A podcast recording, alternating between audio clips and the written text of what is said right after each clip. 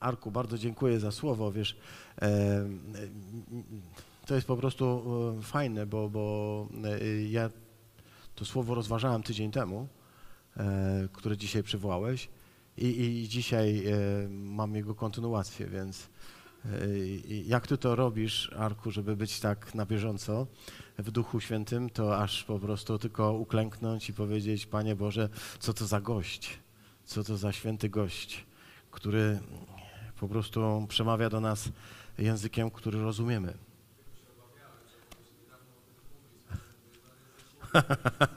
Tydzień temu, tak. Zresztą zobaczysz, y, że to nie jest y, tak.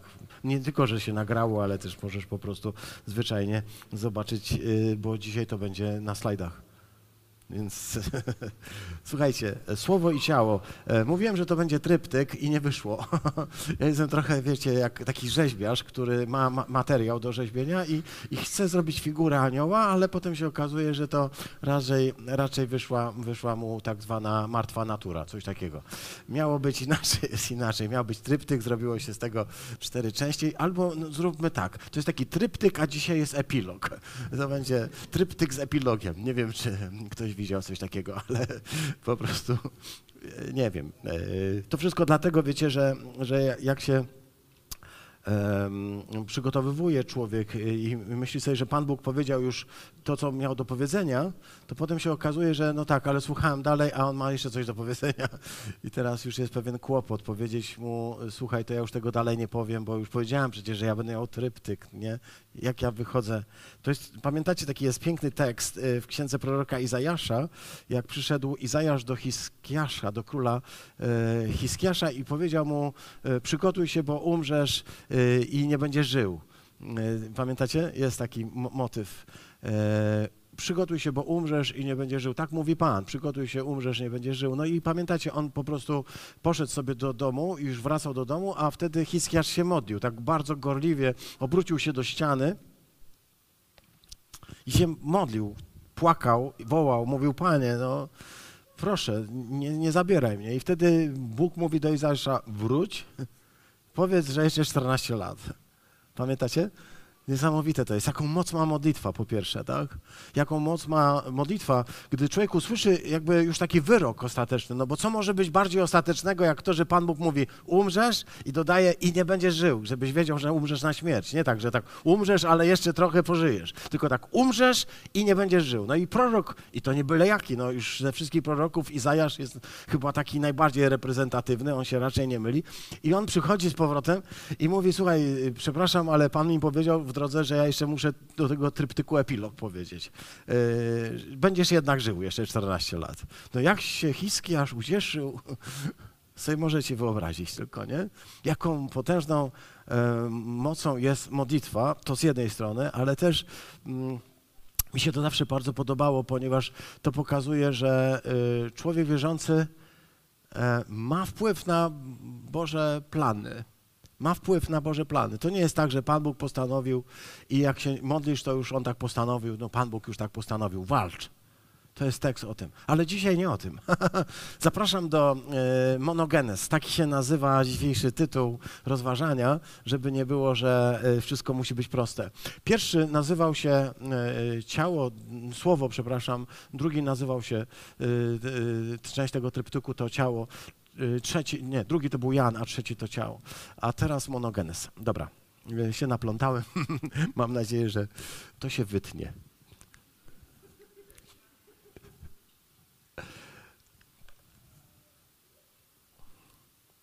Prolog Ewangelii Jana. Poprzednie czytaliśmy wspólnie razem, ale pozwólcie, że ten już zostawię i przeczytam z Jego pełni wszyscyśmy otrzymali łaskę za łaską. Bo prawo zostało nadane przez Mojżesza, a łaska i prawda stała się przez Jezusa Chrystusa.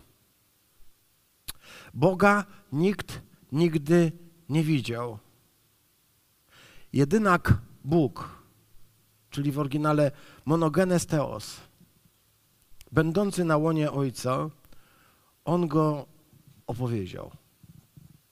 Dziękuję Ci, Panie, za Twoje święte słowo i za to, że możemy do, tego słowa podchodzić jak dzieci, po kanapki, jak dzieci y, do stołu, jak dzieci, które potrzebują dzisiaj także świeżego chleba. I wiem, że Ty dajesz najświeższy.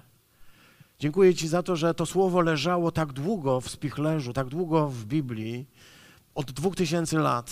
A kiedy bierzemy je w ręce, kiedy znowu je czytamy, kiedy je rozważamy, ono jest jak świeże, najlepsze pieczywo. I za to Ci dziękuję, że to słowo dzisiaj możemy przyjąć i że to słowo może nas dzisiaj pokrzepić. Prosimy Ciebie, Panie, aby tak się stało, ze względu na Twojego Syna Jezusa Chrystusa.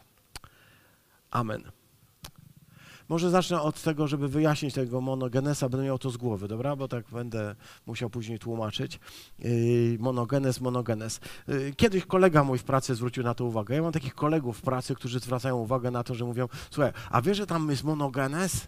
Nie wiem, czy ty też masz taką pracę, przychodzisz i mówią, słuchaj, tam jest, e, jest monogenes, wiesz, że to monogenes to jest takie zupełnie... I to w pracy, wiesz, normalnie rozmawiamy. Tak, po prostu. Yy pracuję w zakładzie, gdzie się takie rzeczy omawia. Zakład Historii Starożytnej się nazywa e, to miejsce pracy. Tak, mam kolegę, Boguś Górka, e, zresztą ostatnio jego artykuł umieściliśmy na naszej stronie e, internetowej, naszej facebookowej stronie, gdyby ktoś chciał, może przeczytać jego, no powiedzmy sobie, taką wersję wydarzeń dotyczących narodzin Chrystusa. Bardzo, bardzo ciekawy artykuł, artykuł. On jest w ogóle specjalistą od świętego Jana, jeśli tak mogę powiedzieć. Mówię tutaj o Bogusiu. Jest specjalistą od świętego Jana, więc dlatego on takie rzeczy chwyta. Zwróćmy na to uwagę. Zwróćmy uwagę na to, że kiedy się pojawia słowo monogenes e, w Nowym Testamencie, zresztą o dziwo tak samo było również y, w okresie y, y, greki klasycznej. Kiedy się pojawia monogenes, to nie znaczy po prostu nic innego jak jedynak. Zresztą zwróć uwagę, popatrzcie na te teksty, które są wyświetlone. Ten pierwszy tekst mówi o chłopcu z to młodzieniec. Odprowadzała go mama na miejsce spoczynku. Była, podkreśla tutaj tekst, wdową i miała jedynego, jedynego syneczka, który był nie tylko jej umiłowanym synkiem, jak zwykle u mamy, ale jest jeszcze na dodatek gwarancją jej życia, bo dzięki temu, że on będzie żył, że on będzie zarabiał, ona będzie miała co jeść, bo taka była natura rzeczy. To jeszcze w czasach, kiedy nie wymyślono ZUS-u to wiesz, dawno, dawno temu, kiedy jeszcze nie było ZUS-u, ludzie się po prostu troszczyli o siebie nawzajem, musieli się zajmować i poważnie traktowali takie rzeczy, jak na przykład to, że e, matkę i ojca należy czcić i należy szanować. Więc to są te czasy. W tych czasach e, śmierć syna była czymś e, dramatyczniejszym niż dzisiaj, ponieważ wraz z jego śmiercią kończy się jej nadzieja i, i to, że ona nie będzie miała na starość nikogo, kto ją wesprze. Jest wdową jest napisane. Nie dość, że wdowa to jeszcze straciła synka, ale żeby było jasne, to był monogenes hios, to był syn jedyny. Monogenes oznacza jedynaka. E, gdybyśmy się popatrzyli na ten drugi tekścik, to ten drugi tekścik dokładnie z ósmego rozdziału, zobaczcie, że wszystkie teksty są z Łukasza. Łukasz używa tego terminu, którego później Jan dwa razy też użyje. W ósmym rozdziale jest mowa o, z kolei o córeczce niejakiego Jaira. Znamy człowieka, jesteśmy zaprzyjaźnieni z nim, ponieważ od kiedy czytam Ewangelię, zawsze mam takie wrażenie, że Jair to jest taka osoba mi bliska. Jair e, z archisynagog e, z Kafarnaum, który zbudował, y, czy, czy opiekował się tą synagogą, bo zbudował ją chyba jakiś setnik rzymski, tak pamiętacie? Jakiś setnik rzymski postawił w Kafarnaum synagogę. A on, Jair był przełożonym tej synagogi, jego córeczka, znowu jest napisane monogenes, jedynaczka, zachorowała i, i, i, wzywają Jezusa, mówią, mówi Jair, przyjdź Panie, bo choruje ciężko. A potem przychodzą do, do Jezusa, do tego Jaira mówią, nie truć nauczyciela, zmarła. Wiecie, pod tym wszystkim my tak możemy powiedzieć, ale kryją się z, z, dramaty ludzkie, bo na dodatek to jest jego, je, Jaira jedynaczka. I Jezus mówi do niego takie słowo, nie, nie bój się, nie bój się. A potem, kiedy powie do tych ludzi talita kumi, tak, do, do tej dziewczynki, wstań. Oni będą się śmiali, kiedy będą mówili, on, on, ona nie umarła, ona śpi. E, to była jedynaczka. I też jedynak, który był opętany, ten trzeci tekst Łukasza, dziewiąty rozdział, to jest o tym, że przychodzi ojciec, który ma dziecko no, strasznie y, dysfunkcyjne, byśmy powiedzieli dzisiaj. Rozkręcone na maksa, rzuca go w ogień, rzuca w wodę. Można by na ten temat niejedno kazanie pewnie powiedzieć o tym, jak trudną rzeczą jest wychować dziecko, nie? Mówią nieraz, trudno jest o dobrą opiekunkę do dziecka, ale jeszcze trudniej o dobre dziecko, nie?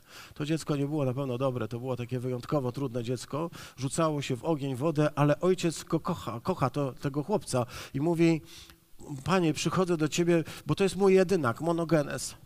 Chcę powiedzieć, że właśnie to słowo monogenes użyte jest na określenie Chrystusa, który jest jedynakiem. Ciekawa rzecz, pozwoliłem sobie to wypisać, ponieważ bałem się, że może mi to gdzieś ulec, może się gdzieś e, za, zaplątać. Chcę zwrócić Waszą uwagę, że to jest termin, który oznacza jedynaka jako kogoś unikalnego, kogoś unikatowego, kogoś wyjątkowego, jedynego w swoim rodzaju. To nie jest tylko po prostu kolejne dziecko, ale jedyne dziecko. I to jedyne tego rodzaju. Monogenes jest właśnie dokładnie w ten sposób tłumaczony i to na podstawie Hezjoda, Herodota, Platona i innych starożytnych należy wyciągnąć, że to jest jedyny tego rodzaju syn. Nie ma więcej tego rodzaju synów. I dlatego to jest ważne, że użyte jest w tekście y, Ewangelii Jana, tekst, w tym tekście o, w prologu jest powiedziane, że Jezus jest jedynym tego rodzaju synem, ponieważ ty też jesteś synem. Ty też jesteś Bożym dzieckiem, ale On jest jedynym swojego rodzaju. My jesteśmy też dziećmi Bożymi, ale innego rodzaju, tak byśmy powiedzieli. On jest jedynym w swoim rodzaju, a my jesteśmy adoptowanymi dziećmi, tak byśmy powiedzieli. Absolutnie jesteśmy dziećmi Bożymi, ale różni nas od e, Chrystusa cały kosmos. W tym sensie On jest jedyny w swoim rodzaju. I to jest właśnie ten, ten termin monogenes i mam nadzieję, że Boguś będzie zadowolony z mojego wyjaśnienia, choć znając Go wątpię.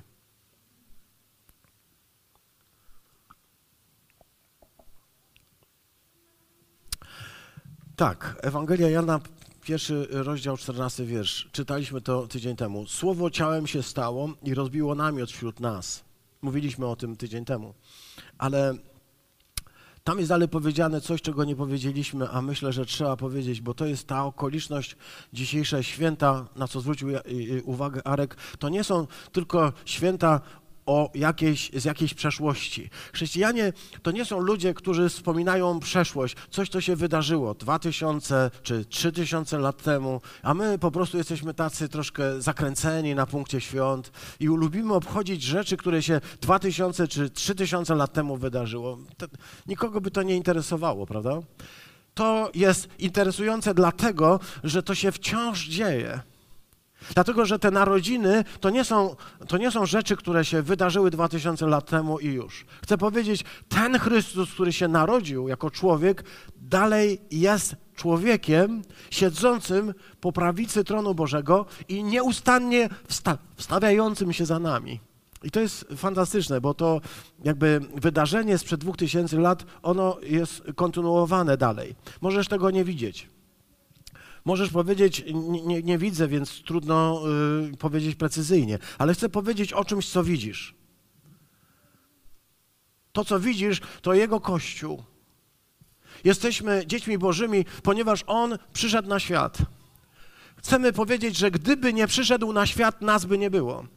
Bylibyśmy dalej czcili jakichś swoich bogów, nie wiem kogo, nie wiem jak, ale byśmy po prostu dalej byli ludźmi pogrążonymi w naszych grzechach, przekonanymi o tym, że gdzieś tam jakiś, z jakimiś ojcami pójdziemy i będziemy, nie wiem, e, cieniami. Nie mielibyśmy żadnej pewności, nie byłoby w nas radości zbawionych. Tylko dlatego jest, ponieważ On przyszedł na świat. Dlatego, że narodził się w każdym z nas i ten cud Jego narodzin wywołał kolejne cuda. To jest tak jak kula bilardowa.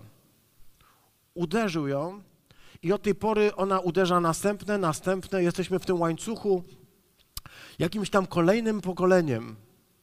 Ludzi, których ta jego, mm, to jego, te jego narodziny i to, że przyszedł na świat, poruszyły. Chcielibyśmy, aby każdy, kto świętuje te y, Boże narodziny, kto świętuje narodziny Chrystusa Jezusa, żeby był rzeczywiście człowiekiem, który się narodził e, z Chrystusa, bo inaczej świętowanie rzeczywiście jest tylko miłą tradycją. To bardzo ładna tradycja. Znam Żydów, którzy mówią, że oni ze wszystkich chrześcijańskich świąt najbardziej lubią Boże Narodzenie, bo taki klimat hanukowy, takie trochę podobne, trochę e, ładnie to wygląda i taka ładna tradycja. Ta tradycja jest rzeczywiście bardzo ładna, jeśli się ją tak jakby oglądało, ale ona nie daje życia. Tradycja nie powoduje, że człowiek staje się innym stworzeniem. Dopiero kiedy Chrystus rzeczywiście zamieszkuje w naszym sercu, wszystko ulega zmianie. Dlatego te wydarzenia sprzed dwóch tysięcy lat to nie są tylko jakieś e, wspominki, miłe rzeczy z przeszłości, ale to jest coś fenomenalnego. To coś, o czym mówi Jan, widzieliśmy Jego chwałę. On oglądał chwałę Chrystusa. I chcę się zapytać, czy e, wiemy, czym jest ta chwała Chrystusa? Kiedy oglądał, wiesz, e, cud po cudzie, znak po znaku, począwszy od tego cudu przemiany wody w wino, tego pierwszego, który spowodował, że uczniowie powiedzieli, to jest ktoś wyjątkowy.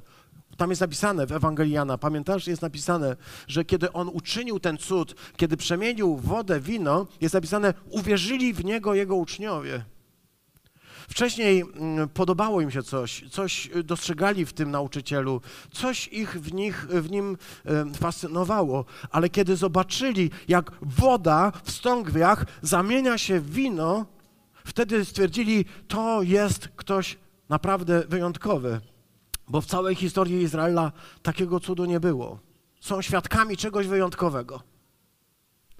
I potem oglądali wspaniałe rzeczy oglądali to, co czytaliśmy, widzieli cud skrzeszenia z martwych chłopca i łzy, które zamieniły się w radość i mm, chyba w taki najgłębszy szloch, jaki może się wydobyć serca matki, która bierze w ręce swojego syna i widzi, że on żyje. Widzieli to. Widzieli tę dziewczynkę. Jan tam był, gdy patrzył na chwałę Chrystusa, kiedy ona martwa wstaje po prostu e, na słowo Chrystusa, na jego talita kumi, wstaje i e, mówi, dajcie jej jeść. Widzieli, kiedy zdarzył się ten cud, bo modlili się o to, uczniowie, żeby ten e, chłopiec przestał być taki miotany w wodę i, i, i, i, w ogień. Modlili się, modlili się, modlili się i ten ojciec przychodzi z taką pretensją i mówi, twoi uczniowie się modlą, ale to nie działa. To nie działa. I on wstaje i, i, i powiada jedno słowo. I chłopiec staje się wolny. Oni to widzieli i po prostu widzieli tę chwałę, która się objawiła w każdym znaku. Widzieli, kiedy rozmnażał chleb, kiedy z bochenków pięciu mógł nakarmić tysiące ludzi, kiedy dwie ryby stały się źródłem dla tysięcy głodnych osób, to wszystko widzieli. Widzieli go chodzącego po wodzie, Widzieli go wreszcie na górze, na której objawił się mu ojciec razem z Eliaszem, razem z Mojżeszem. Widzieli jego chwałę. Oglądali na własne oczy. Jan tak rozpocznie swój list, list, ten pierwszy list. Co widzieliśmy, co słyszeliśmy, co dotykaliśmy, czego jesteśmy świadkami naocznymi. Nie możemy o tym nie mówić. Dla mnie jest to największy dowód na to, że Chrystus powstał z martwych, ponieważ wiemy, że oni byli za to w stanie położyć głowę, bo widzieli, nie mogli powiedzieć, że nie ma. Widzieli, słyszeli, dotykali, jedli ten chleb rozmnożony. Jeszcze zostaje im w ustach ten, ten, ten smak tej ryby, którą y, dzielili z, dwu, z dwóch rybek. Każdy z nich tego do, do, doświadczył. To jest ta chwała Pana chwała objawiona w Jego wyjątkowych e, dziełach. Ale z tych wszystkich dzieł największa chwała objawiła się na Golgocie. I to jest najbardziej zaskakujące. Bo my, gdy patrzymy się na chwałę, to raczej widzimy ją właśnie w cudach, w znakach. To prawda, tam jest chwała Boża. I jestem szczęśliwy, że jesteśmy w kościele, który mówi, że Bóg wciąż działa, Bóg wciąż przemawia i ta chwała wciąż się dzieje. Ale największa chwała, jaką uczniowie zobaczyli, to ta, o której Jezus powiedział, że gdy zostanie e, podniesiony do, do góry, wtedy wszyscy będą mogli zobaczyć tę chwałę Ojca. Można było sobie to różnie wyobrazić. W moim życiu też mogłem sobie różnie wyobrazić, w jaki sposób Bóg może przyczynić się do pomnożenia chwały, ale co ciekawe, najbardziej Jego chwała objawia się w takiej kompletnej naszej niemocy. To, co jest dla mnie najbardziej zaskakujące, to to, że największy cud, jaki się wydarzył, to nie cud skrzeszenia łazarza, ani uwolnienia Marii z Magdali, z, y, z, tych duchów, które miała. Ale największy cud to ten, kiedy Jezus nie mógł ruszyć ręką i nogą, przybity do drzewa. I właśnie wtedy Bóg uczynił największy cud. Bo sprawił, że wszystkie nasze grzechy, wszystkie nasze przekleństwa i wszystko to, co było dla nas najbardziej mm, mm, dramatyczne w naszym życiu, zostaje wrzucone w głębokości morskie i nigdy nie będzie wspominane.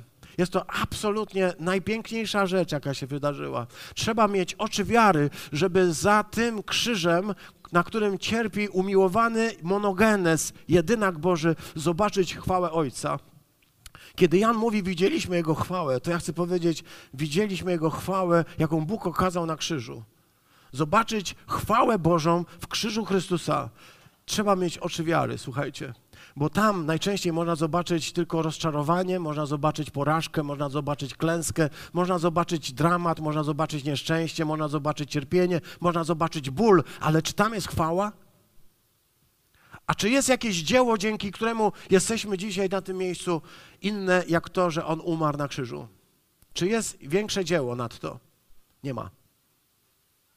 Chwała Boża objawiła się na krzyżu bo tam objawiła się pełni Jego miłość. Ta miłość, która jest Jego chwałą. On jest to miłość okryty, w to miłosierdzie. Kiedy zdejmuje z ciebie Twoje ciężary, kiedy zdejmuje z ciebie Twoje grzechy, kiedy zdejmuje z ciebie przekleństwa, kiedy wreszcie daje Ci pokój.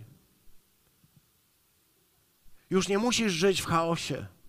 Już nie musisz myśleć, że nie poradzisz sobie, ale właśnie wtedy, gdy jest zupełnie ciężko, popatrz na krzyż i powiedz sobie: To jest chwała Chrystusa. Dlaczego to takie ważne? Może dlatego, że On wciąż w taki sposób do nas przychodzi i wtedy, gdy wydaje nam się, że jesteśmy zupełnie bezradni i już wszystko się zawaliło, to może wtedy jest taki moment, kiedy on może rzeczywiście zacząć działać. Mam zawsze takie wrażenie, że Bóg się spóźnia. A potem stwierdzam, że przyszedł właśnie dokładnie wtedy, gdy miał. Jak Hiskiasz, któremu się wydaje, że to może być już koniec, bo powiedział: Umrzesz i nie będziesz żył. Kiedy patrzę na tę chwałę, to myślę sobie też o namiocie. Był przybytek y, y, w y, Izraelu, ten przybytek na pustyni, w którym były kamienne tablice i to wszystko, co Mojżesz mówił od Pana Boga, co trzeba wybudować, ale poza obozem, poza obozem, daleko od niego, znajdował się jeszcze jeden namiot. Namiot, do którego on przychodził i jak on szedł do tego namiotu, to wszyscy Izraelici, jest napisane, wychodzili i patrzyli, aż Mojżesz wejdzie do namiotu i wtedy widzieli, jak Boża chwała stępowała do tego namiotu. To jest bardzo ciekawe, bo to nie jest przybytek. To jest jakieś inne miejsce poza obozem. Jakby trzeba wyjść poza obóz, poza hałas, poza zgiełk, poza wszystką codzienność, by spotkać się poza obozem z oko w oko, twarzą w twarz, sam na sam z Panem Bogiem, Bogiem wejść w tę ciszę. I tam Bóg rozmawiał z Mojżeszem. Kiedy czytamy ten tekst z 33 rozdziału Księgi Wyjścia, właśnie o tym, jak Mojżesz rozmawiał z Panem Bogiem, jest napisane ciut wcześniej, powiedział, że y, ten tekst mówi, że rozmawiał, y, Pan Bóg rozmawiał z Mojżeszem, jak rozmawia się z przyjacielem. Tak jest napisane. Ale przyjaciel zapragnął zobaczyć swojego Pana, zobaczyć swojego przyjaciela i możesz taką wyraził prośbę, taką modlitwę, ukaż mi swoją chwałę. Pokaż mi, czym jesteś, kim jesteś, jak wyglądasz. Chcę napatrzyć się na Ciebie, bo słucham Ciebie, jestem w Tobie zakochany, rozmawiam z Tobą jak przyjacielem, ale chciałbym Ciebie oglądać. I wtedy Pan Bóg mówi: Nie możesz. Sprawię, że przed Twoimi oczami przejdzie cały mój majestat i wypowiem imię, które brzmi Pan. Komu chcę okazać łaskę, temu okazuję, a jeśli kogoś chcę obdarzyć miłosierdzie, tego obdarzam. Komu chcę okazać łaskę, temu okazuję łaskę. A kogo chcę obdarzyć swoją, swoim miłosierdziem, tego obdarza miłosierdziem. Czy jesteś dzisiaj szczęśliwy z powodu tego, że Bóg właśnie spośród tylu ludzi wybrał Ciebie? Możesz powiedzieć, ja nie wiem, czy On mnie wybrał. W tym sensie, y, no, może mi się wydaje, że mnie wybrał. Nie, chcę powiedzieć, wybrał Ciebie. Dowodem jest to, że słuchasz tego z wiarą. Wielu ludzi może słuchać tego i powiedzieć, no okej, okay, dobra, i pójść do domu. Kompletnie im to zupełnie nie gra w sercu, wiesz? Nie mają wiary jako odpowiedzi na to słowo. Jeśli masz w sercu wiarę, że Bóg jest właśnie takim, jak go tutaj pokazuje słowo, wtedy znaczy wybrał cię. Bo dowodem tego jest to, że w twoim sercu jest pewność, że właśnie jest twoim Panem. Zmiłował się nad tobą, okazał ci łaskę, okazał ci życzliwość. Z tak wielu ludzi wybrał właśnie ciebie. Czy to jest powód, dla którego dzisiaj chcesz też powiedzieć, Panie Boże, jesteś absolutnie doskonały i kocham Ciebie bardzo? Czy powiedziałaś mu o tym? Bóg mówi, nie będziesz mógł jednak oglądać mojej twarzy, gdyż ten, kto ją zobaczy, nie może, nie może pozostać przy życiu. Jest jakaś duchowa rzeczywistość, o której powie też święty Paweł tak mocno w liście do Tymoteusza, że Bóg mieszka w światłości niedostępnej. W tego rodzaju światłości, która e, powoduje, że wszystko, co nie jest doskonałe, musi się po prostu rozpaść. Jest to bardzo trudny tekst, w tym sensie nie do końca rozumiemy, ale wiemy, że nawet aniołowie nie mogą na niego patrzeć. I jest napisane, że ci, którzy są najbliżej, y, nam się nieraz wydaje, że anioł to po prostu ogląda z Bogiem, rozmawia jakby nigdy nic. Jest napisane, że ci cherubowie mają trzy pary skrzydeł, jedną parą zasłaniają sobie nogi, ale drugą parą zasłaniają sobie oczy. Oni nie patrzą na Wszechmogącego, bo nie są w stanie patrzeć na świętego, bo nie są doskonali. I Bóg mówi: Nie możesz oglądać mojej chwały, ponieważ nie jesteś w stanie wytrzymać. E, twoje serce nie jest zdolne do tego. Wiesz, byłem jakiś czas temu e, w górach i e, chciałem sobie zjechać na takiej zjeżdżalni. E, to jest taka, wiesz, wchodzisz do windy, nie? I tam po prostu podłogi nie ma. Znaczy ona jest, jak wchodzisz, to jest, a potem nagle się podłoga ciach i ty lecisz tak pionowo w dół. Taka e, fajna impreza. I wiesz, pomyślałem sobie, wow, moi synowie poszli, zjechali sobie, więc mówię, ja też pójdę, nie? Idziesz na górę, idziesz, idziesz. Jak wreszcie doszedłem to na górę i patrzę, no rzeczywiście, wiesz, yy, podłoga jest, nie? Wejdziesz, a ona, pff, i ty wpadasz w taką rurę, tam jest woda i tam lecisz sobie. I, I, to było ekstra. Wlazłem na sam szczyt tego, a tam było napisane, jak masz kłopoty z sercem, nie możesz jechać. Hmm. Są takie rzeczy, których nie możesz, na, na które sobie nie możesz pozwolić. My mamy takie kłopoty z sercem, które powodują, że nie możesz oglądać Wszechmogącego, bo nie wytrzymasz. I nie wiem, jak to dalej powiedzieć, ale na tym skończę. Ale Pan Bóg mówi tak, dobrze, nie możesz tego, e, nie, nie możesz tego doświadczyć, nie możesz mnie oglądać, ale stań w tym miejscu obok mnie na skalę, tym tutaj, a jak będę przechodzić i będzie przechodzić moja chwała, to ukryję cię w takiej szczelinie skalnej. Osłonię cię swoją dłonią, a jak przejdę, to odkryję i będziesz mógł zobaczyć mnie, moje plecy, będziesz mógł zobaczyć od tyłu Mojej twarzy nie będziesz mógł oglądać. Mojej chwały nie będziesz mógł zobaczyć, ale będziesz mógł oglądać moje plecy. E, to może być zawód. Przeczytałem sobie w jednym z komentarzy takie bardzo ładne zdanie, które mi się bardzo spodobało, mianowicie widzieć Boże plecy to jest cud. Widzieć Boże plecy to jest fantastycznie, bo jeśli y, idę za kimś, widzę jego plecy, to mogę być pewien, że nie zbłądzę. Pamiętam taką historię, może ona się naprawdę wydarzyło, nie wiem, ale ktoś mi to kiedyś opowiedział, że jechał samochodem, jechał, była taka mgła, coraz większa, coraz większa, taka jak w Milejewie się dzieje w mgła. Jedzie sobie jedzie i już nie widać nic, wiesz, jest taki moment. Nie, jeszcze to było chyba w Polsce, bo nie było narysowanych tych kresek na, na jezdni, tych linii, nie? Więc po prostu nie wiesz. Jedziesz i za chwilkę może się okazać, że w, w pole wjechałeś. I okazało się, że ktoś przed nim też zaczął, znaczy jechał i on do niego dojechał i tak stwierdził, że no nic nie widać, będzie za nim jechał. I tak sobie jechał za nim, jechał, jechał, jechał, jechał. Wydawało się, że w tym samym kierunku i ten człowiek nagle w pewnym momencie się zatrzymał, zgasił światła i pff, wjechał mu w tył. Mówi, wyskoczył, mówi, panie, no nie można gasić świateł tak nic stąd, nic zowąd. A on mówi, ja myślałem, że w garażu mogę. Myślałem, że w garażu można. Widzieć Boże plecy, to znaczy iść za Nim. Widzieć Boże plecy, to znaczy być w dobrym miejscu, tak? Bo jeśli chcesz y, iść za Bogiem, to będziesz oglądał Jego plecy. I póki je widzisz, jesteś bezpieczny. Jak stracisz je ze swoich oczu, musisz się ewentualnie y, pytać o drogę. Chcę zwrócić Waszą uwagę na to właśnie, że y, najpiękniejsze miejsce tego tekstu jest tutaj e, zapisane o tej szczelinie skalnej. Bardzo mi się podoba ten tekst, bo tutaj się znowu nam pojawia coś takiego, co e, już zostało jakoś wspomniane. E, Chrystus, który przychodzi na świat w grocie skalnej, taka jest tradycja całego wschodu chrześcijańskiego, nie wstające jak to od świętego Franciszka, którą się buduje, tylko raczej w grocie skalnej i który zostaje ukryty następnie po śmierci, zostaje pochowany znowu w grocie skalnej. Te największe tajemnice, o których mówiliśmy sobie tydzień temu, które Ignacy przywołał, dokonują się w takiej ciszy, właśnie gdzieś w grocie skalnej.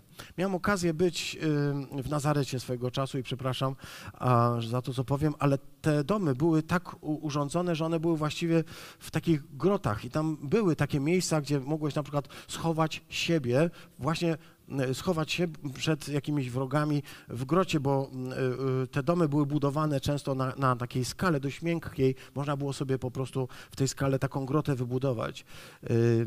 Chcę, chcę powiedzieć, że te tajemnice dokonują się w grocie skalnej, dokonują się gdzieś u ukryte przed ludźmi. To, co jest najgłębszego i najpiękniejszego, co Bóg robi w swoim sercu, dokonuje się zawsze gdzieś w takiej ciszy, w samotności, gdzieś, gdzie nikt do tego już nie, nie dociera, gdzie tylko Bóg i Ty. Gdzie tylko Bóg i Ty. Nie na konferencjach. Przepraszam, to są fajne rzeczy, one dobrze rozkręcają. Lubię konferencje. Nie w hałasie uwielbienia takiego wspólnego, które jest cudowne i kocham.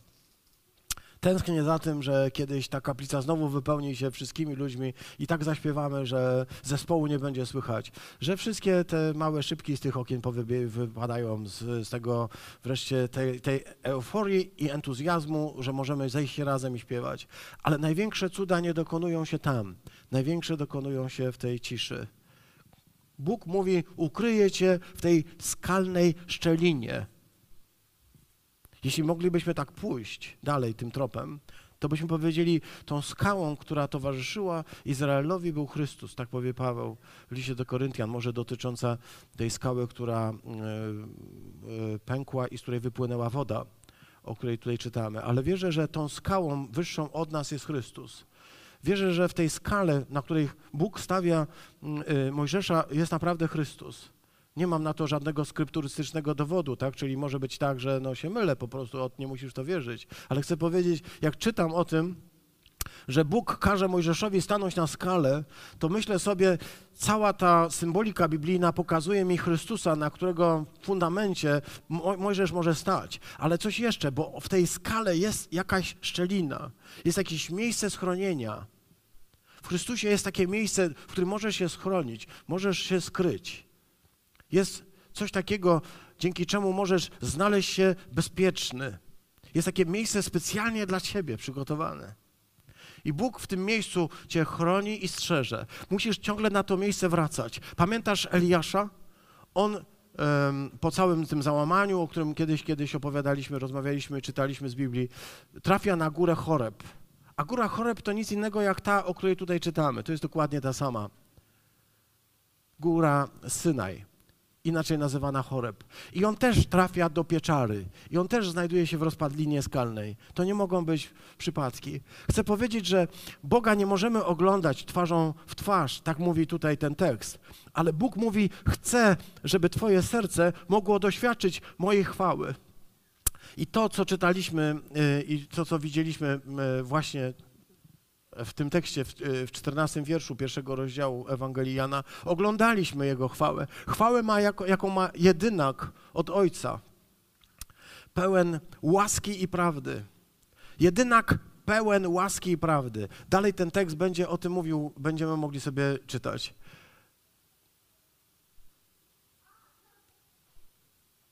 Bo z tej Jego łaski wszyscy otrzymaliśmy i to łaskę za łaską. Jedynak monogenes Jezus Chrystus, który jest e, pełen łaski, pełen prawdy. Co to znaczy? Że jest w nim każdy rodzaj łaski, jakiej potrzebujesz. Jeśli potrzebujesz przebaczenia grzechów, to on jest pełen przebaczenia grzechów. Jeśli potrzebujesz usprawiedliwienia ze swoich czynów, jeśli potrzebujesz, żeby cię usprawiedliwił, to w nim jest łaska do usprawiedliwienia. Jeśli potrzebujesz cudu, uzdrowienia, to w nim jest łaska uzdrowienia. Jeśli potrzebujesz cudu wskrzeszenia z martwych, to w nim jest taka łaska, bo w nim jest pełnia łaski.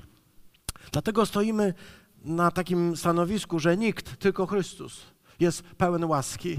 I nikomu tego przywileju oddać nie, nie chcemy, bo tylko w nim jest pełnia łaski, łaska za łaską.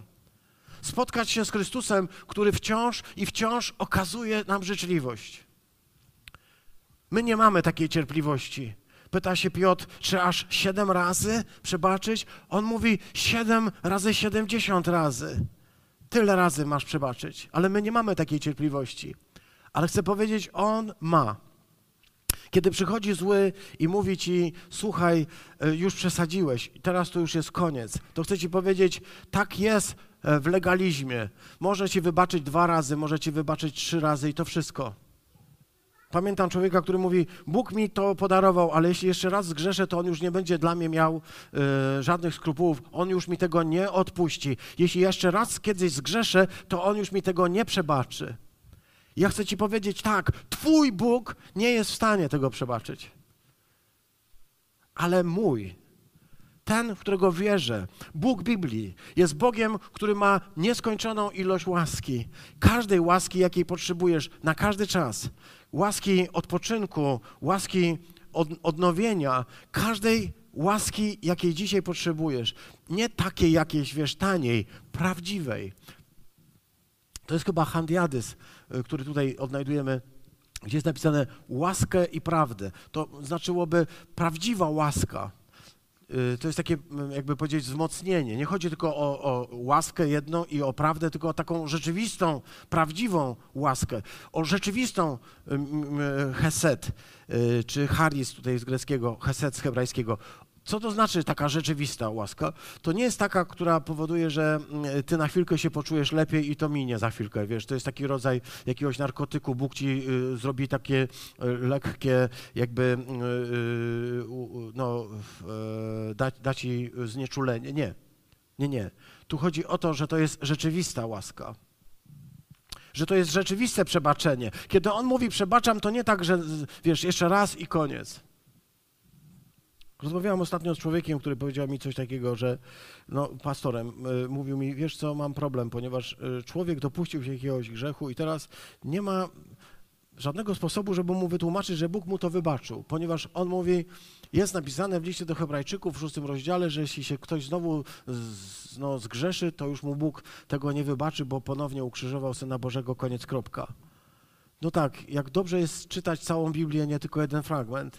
Jak dobrze zobaczyć jest w tym tekście, że nasz Bóg jest pełen łaski i dopóki w Tobie jest wiara w to, zawsze jest nadzieja na tę y, y, kolejną porcję łaski, bo na żadną sobie nie zasłużyliśmy. Siostry, bracia, gdyby Bóg powiedział, że no ewentualnie y, jeszcze raz możesz zgrzeszyć i tyle, to pewnie by nikogo z nas już tu nie było, co? Jeśli Bóg powiedziałby, że jeszcze że do trzech razy sztuka i za trzecim razem to już jest ostatecznie, jak czwarty raz zgrzeszysz, to już cię odrzuci, to byśmy tutaj nie byli, nikt z nas. No chyba, że ktoś dopiero y, narodzony na nowo, może Dorotka. Pozostali wiedzą, że w swojej historii mają różne doświadczenia, różnych trudnych momentów, kiedy no, jakoś dopuścili się jakiegoś um, doświadczenia, jakiegoś grzechu, jakiegoś nieszczęścia. Ta łaska, ta pełnia łaski, która się wciąż okazuje niezgłębiona, nieskończona jak ocean, nieskończonych zasobów. Tam nigdy nie zabraknie. Tam nigdy nie będzie tak, że ci coś wypomni. Już dostałeś, już więcej nie potrzebujesz, już ci więcej nie dam. Nie.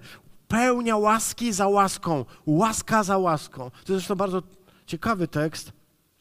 I gdyby tu był Boguś, to pewnie by nam powiedział, że tam jest łaskę e, e, zamiast łaski, bo tam jest anti. E, to jest takie ciekawe, bo to by znaczyło, że jakaś łaska, która była kiedyś udzielona, e, zostaje zamieniona na inny rodzaj łaski. I ten tekst by sugerował, że kiedyś taką łaskę otrzymali Żydzi razem z Torą, razem z prawem. I to była wielka łaska, że Bóg dał temu narodowi prawo, dał, zawarł z nim przymierze i to była łaska dla tego narodu, wyjątkowa i fantastyczna. Ale kiedy okazało się, że mm, i prawo, i przymierze nie wystarczyły na to, żeby człowieka przemienić, wtedy Bóg okazał jeszcze szczególny rodzaj łaski, jeszcze większy rodzaj łaski, jeszcze pełniejszy, bo prawo, przymierze, wybór Izraela, fantastyczne rzeczy, ale Bóg ma coś jeszcze.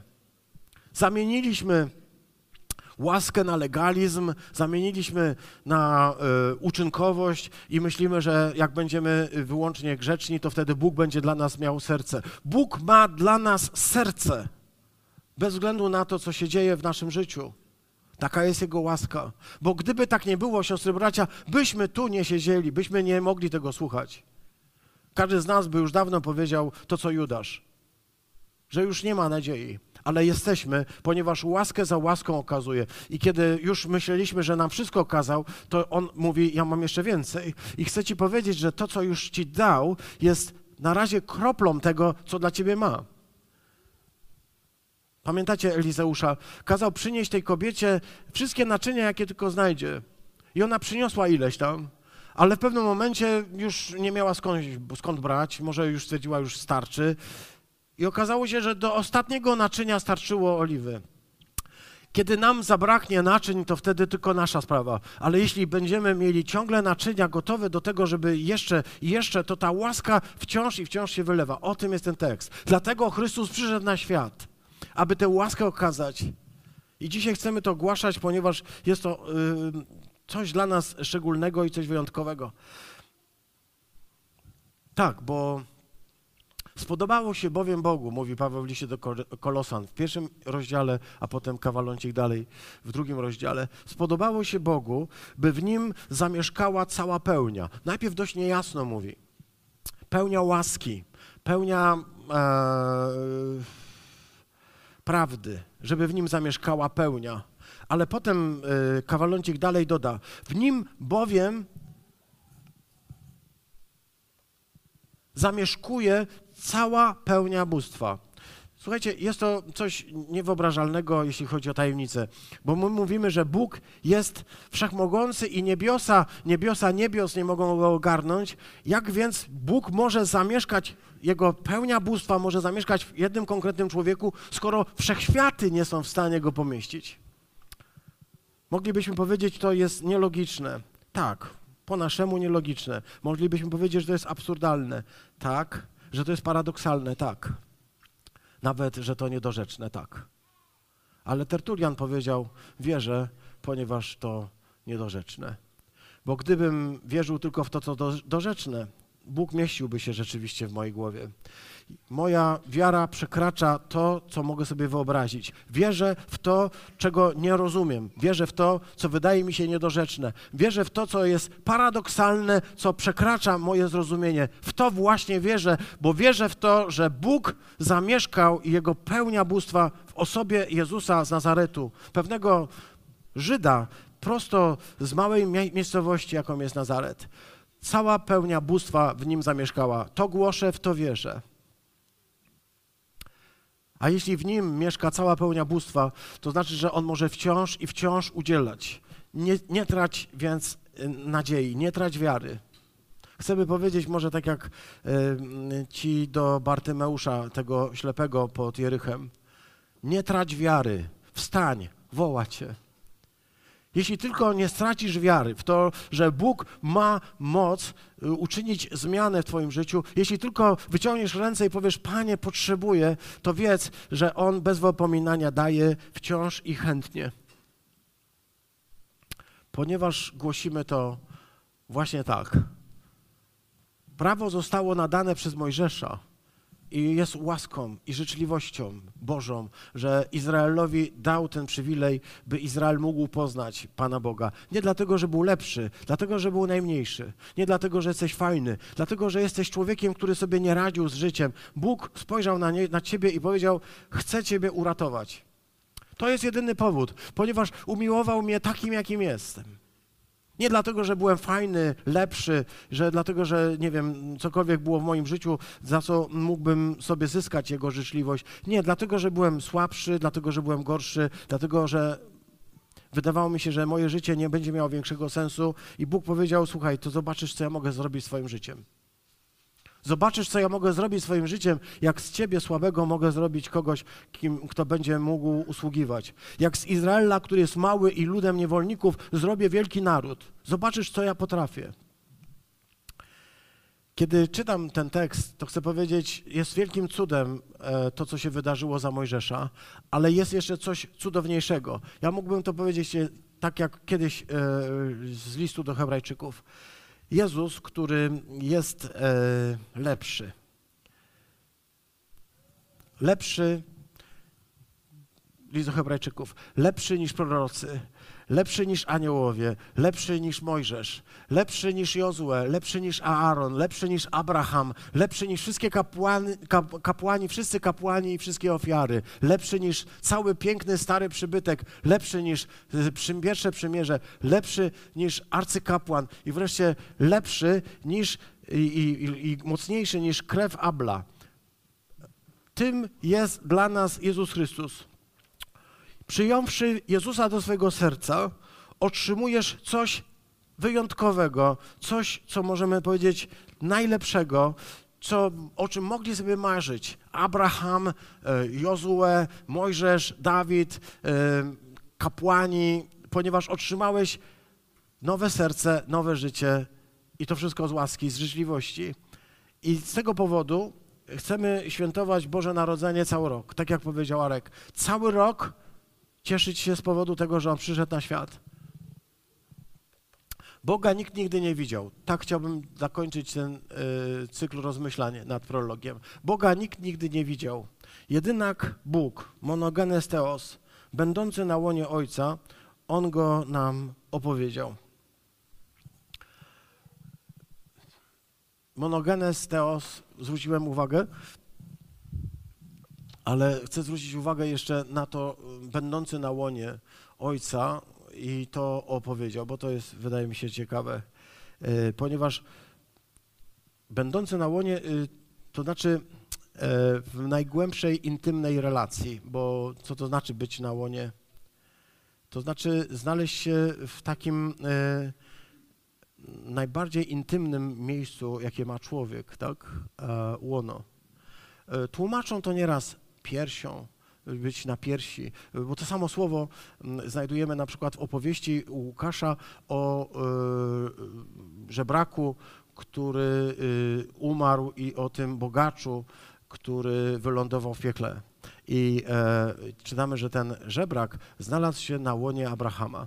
Cokolwiek to znaczy, prowadzi nas do takiego myślenia czegoś wyjątkowego, jakiejś bliskiej zażyłości. Ale żeby było jeszcze jaśniej, może mm, w liście w Ewangelii Jana też jest napisane, że kiedy spoczywali przy wieczerzy, mm, ostatniej wieczerzy, to jeden z uczniów e, spoczywał na łonie Chrystusa tam jest to słowo użyto, użyte na łonie, czyli e, był bardzo blisko, był do niego przytulony. To jest dokładnie tak, byśmy powiedzieli. To jest jakiś wyraz, który nie musi oznaczać konkretnie łona, ale może oznaczać po prostu rodzaj mm, takiej bliskości intymnej w kategorii takiego przytulenia głębokiego, stąd dzisiaj się też to w ten sposób tłumaczy.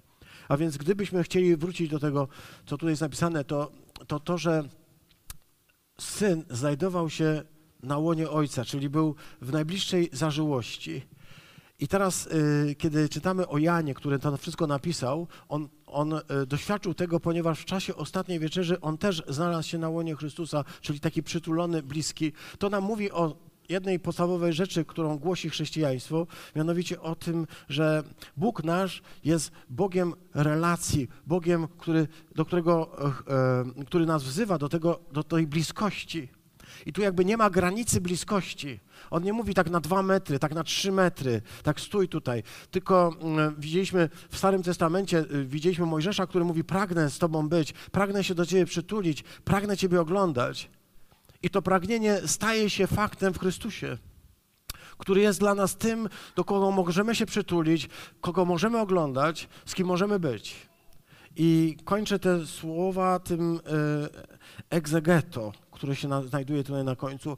Mm, będący na łonie Ojca, ten syn monogenes, on go nam egzegeto. Egzegeto znaczy po prostu, tak jak tutaj jest napisane, to jest po prostu egzegeza, czyli wyjście na zewnątrz, czyli opowiadanie, wykład, e, opis, wyjaśnienie, interpretacja, egzegeza, czyli wyjaśnienie. To wszystko, co robi Chrystus, to wszystko, co robi Syn, to wyjaśnienie Ojca. Bardzo mi się to podoba. To takie opowiadanie o Ojcu kogoś, kto do tego Ojca jest przytulony. My chcemy powiedzieć, że to różni Jezusa od wszystkich pozostałych postaci e, tej pięknej, świętej Biblii że różni go to od Mojżesza, różni go to od Abrahama, różni to od Dawida, różni to od każdego proroka, którego moglibyśmy teraz przywołać, różni to, że Jezus jest tym monogenesem przytulonym do Ojca, znającym Jego serce, słuchającym, jak ono bije. Sługa to ktoś, kto stoi wyprostowany i mówi to, co mu się każe powiedzieć. To jest sługa. Sługa wypełnia to, co powiedział jego Pan. Sługa mówi idź i idzie. Zostań, zostaje to mm, e, kiedy Pan się tak do niego zwraca, ale syn to ktoś, ktoś, kto zna ojca. Stąd ta różnica, którą nieraz możemy obserwować. Słudzy, którzy znają go tylko ze słyszenia, jak Hiob, i syn, który zna każde bicie jego serca, jest wtulony w, w niego i chce go opowiadać, chce go wyjaśniać, chcę go interpretować, chcę egzegować Ojca, jeśli tak mogę powiedzieć, choć może to nie jest po polsku. On to ciągle robi. Kiedy przyjmujesz Chrystusa do swojego serca, czyli przyjmujesz Go na swoje łono, kiedy możesz się do Niego zbliżyć, kiedy możesz wreszcie z Nim być, to to, co On chce robić i to, co robi, to wyjaśniać Ojca, to interpretować Ojca. Dlatego ciągle mówił o tym, że odejdę, ale będę przez cały czas w moim duchu, aby duch was dalej prowadził, abyście przypomnieli sobie, co mówiłem, abyście usłyszeli, co powiedziałem, ponieważ tak naprawdę życie chrześcijańskie to jest to wsłuchanie się w ten głos egzekującego y, syna, syna, który wyjaśnia, który dokonuje egzegezy ojca, który interpretuje, który opowiada o ojcu. Tylko żeby to uczynić, musisz mieć czas na relacje, na bliskość. Wiem, że tego czasu mamy zawsze wszyscy za mało, a jednak bez tego nic się nie uda. Bo On na to przyszedł na świat, żebyśmy mogli usiąść sobie w kąciku i być z Nim, żeby znaleźć tę szczelinę w tej skale, by w niej odpocząć, by usłyszeć, co mówi. Serdecznie Was zapraszam do tego, bo to jest istota tego, co świętujemy. Istotą tego, co świętujemy, jest ta wyjątkowa bliskość. Bliskość, która przewyższa to wszystko, co miał Izrael. Bliskość, która przewyższa wszystko to, co może proponować religia, bo to jest wejście w relację z, Synem, który nam wyjaśni Ojca, opowie nam Ojca, zinterpretuje nam Ojca. Siostry, bracia, do tego Was zachęcam, byśmy mogli usłyszeć tę Jego interpretację, tę Jego historię o Ojcu. Słuchamy tej historii o Bogu, ludzie mówią o Bogu różne rzeczy. Chcielibyśmy posłuchać tego, co Syn mówi o Ojcu. bo to tylko ma sens i to jest tylko prawdziwe. Amen.